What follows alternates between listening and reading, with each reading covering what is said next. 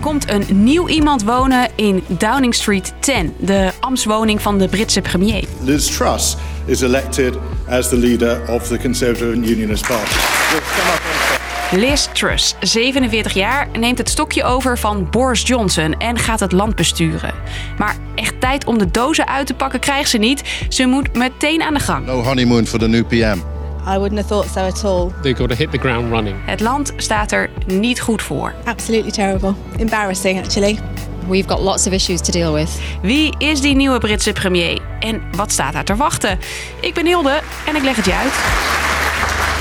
Well, thank you. It's an honor. Lang verhaal kort. Een podcast van NOS op 3 en 3FM.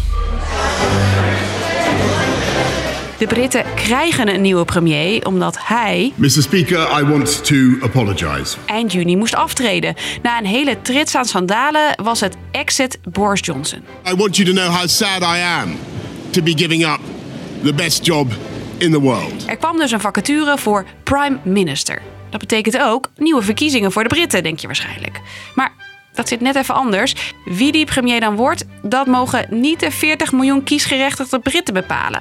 Correspondent Arjen van der Horst legt uit hoe dat zit. Ja, dat is de traditie. Hè? De leider van de leidende partij is ook automatisch eh, de premier. Maar het zijn alleen de partijleden die ook daadwerkelijk eh, de leider van hun partij gaan kiezen. Dat betekent dat 170.000 conservatieve leden kiezen wie het land gaat leiden. En dat terwijl volgens de peilingen die partij niet eens de grootste zou zijn geworden als er normale verkiezingen zouden zijn geweest.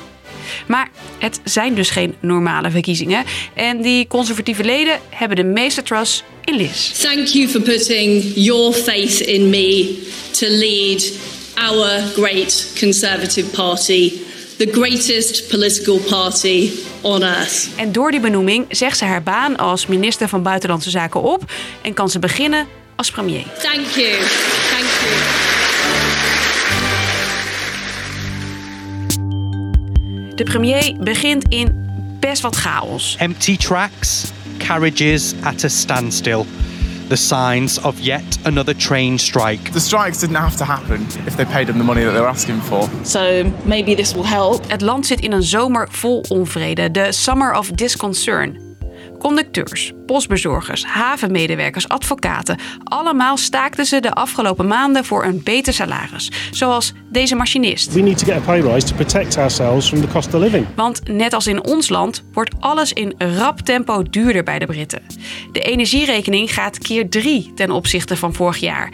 De vraag voor steeds meer mensen is: gaat mijn geld naar heating of eating? Is that you as well? Yeah, yeah. If it goes up, then I'll have to turn the heaters off. 2 miljoen Britten lopen nu al bij de voedselbank. En de angst is dat het er veel meer worden. So you've got people that work in factories, you've got school teachers. It's just your normal middle class working families that normally would have been okay. And now they're becoming the new poor. De prijzen van de cost of living lijken niet te gaan dalen de komende tijd. En dus is de verwachting dat Groot-Brittannië een recessie inrolt.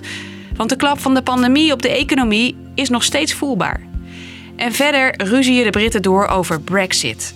In Noord-Ierland leidt dat tot gedoe met de grens, waardoor handelen ingewikkelder is geworden. Ja, je zou je bijna afvragen wie wil eigenlijk premier worden in, in tijden zoals deze. Goeie vraag, Arjen. Liz Truss dus. We will deliver, we will deliver, we will deliver. Die durft het aan. En ze zegt het grootste probleem meteen aan te pakken. Within one week, I will make sure there is an announcement on how we are going to deal with the issue of energy bills. Ze wil honderden miljoenen uitgeven. En dat wilde ze eerder helemaal niet, volgens correspondent Arjen. Een omvangrijk hulppakket dat volgens sommige Britse media wel kan oplopen tot meer dan 100 miljard euro. En om dat in een perspectief te plaatsen, dat is meer dan wat de Britse overheid tijdens de pandemie heeft uitgegeven aan hulp. En verder maakt Truss zich in haar eigen partij populair door haar visie. Een klassieke conservatief voor een kleine overheid, voor lage belastingen. Maar niet iedereen onthaalt haar feestelijk. Zo zou Truss met alle winden meewaaien en onvoorspelbaarder zijn dan Boris Johnson. De Schotse premier hoopt dat ze zich van haar goede kant gaat laten zien. If she governs as she has campaigned over the summer, she will be a disaster, uh, not just for Scotland but for all of the UK. Dinsdag gaat Liz Truss langs bij de Queen. Thank you very much. I'm, I'm still alive. En daarna kan ze in Downing Street 10 gaan wonen.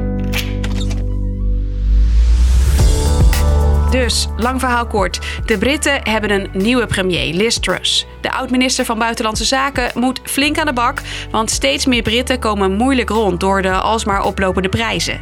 Lekker even genieten zit er dus niet in voor Truss. Ze moet zich nog maar zien te bewijzen aan de miljoenen Britten die niet op haar gestemd hebben.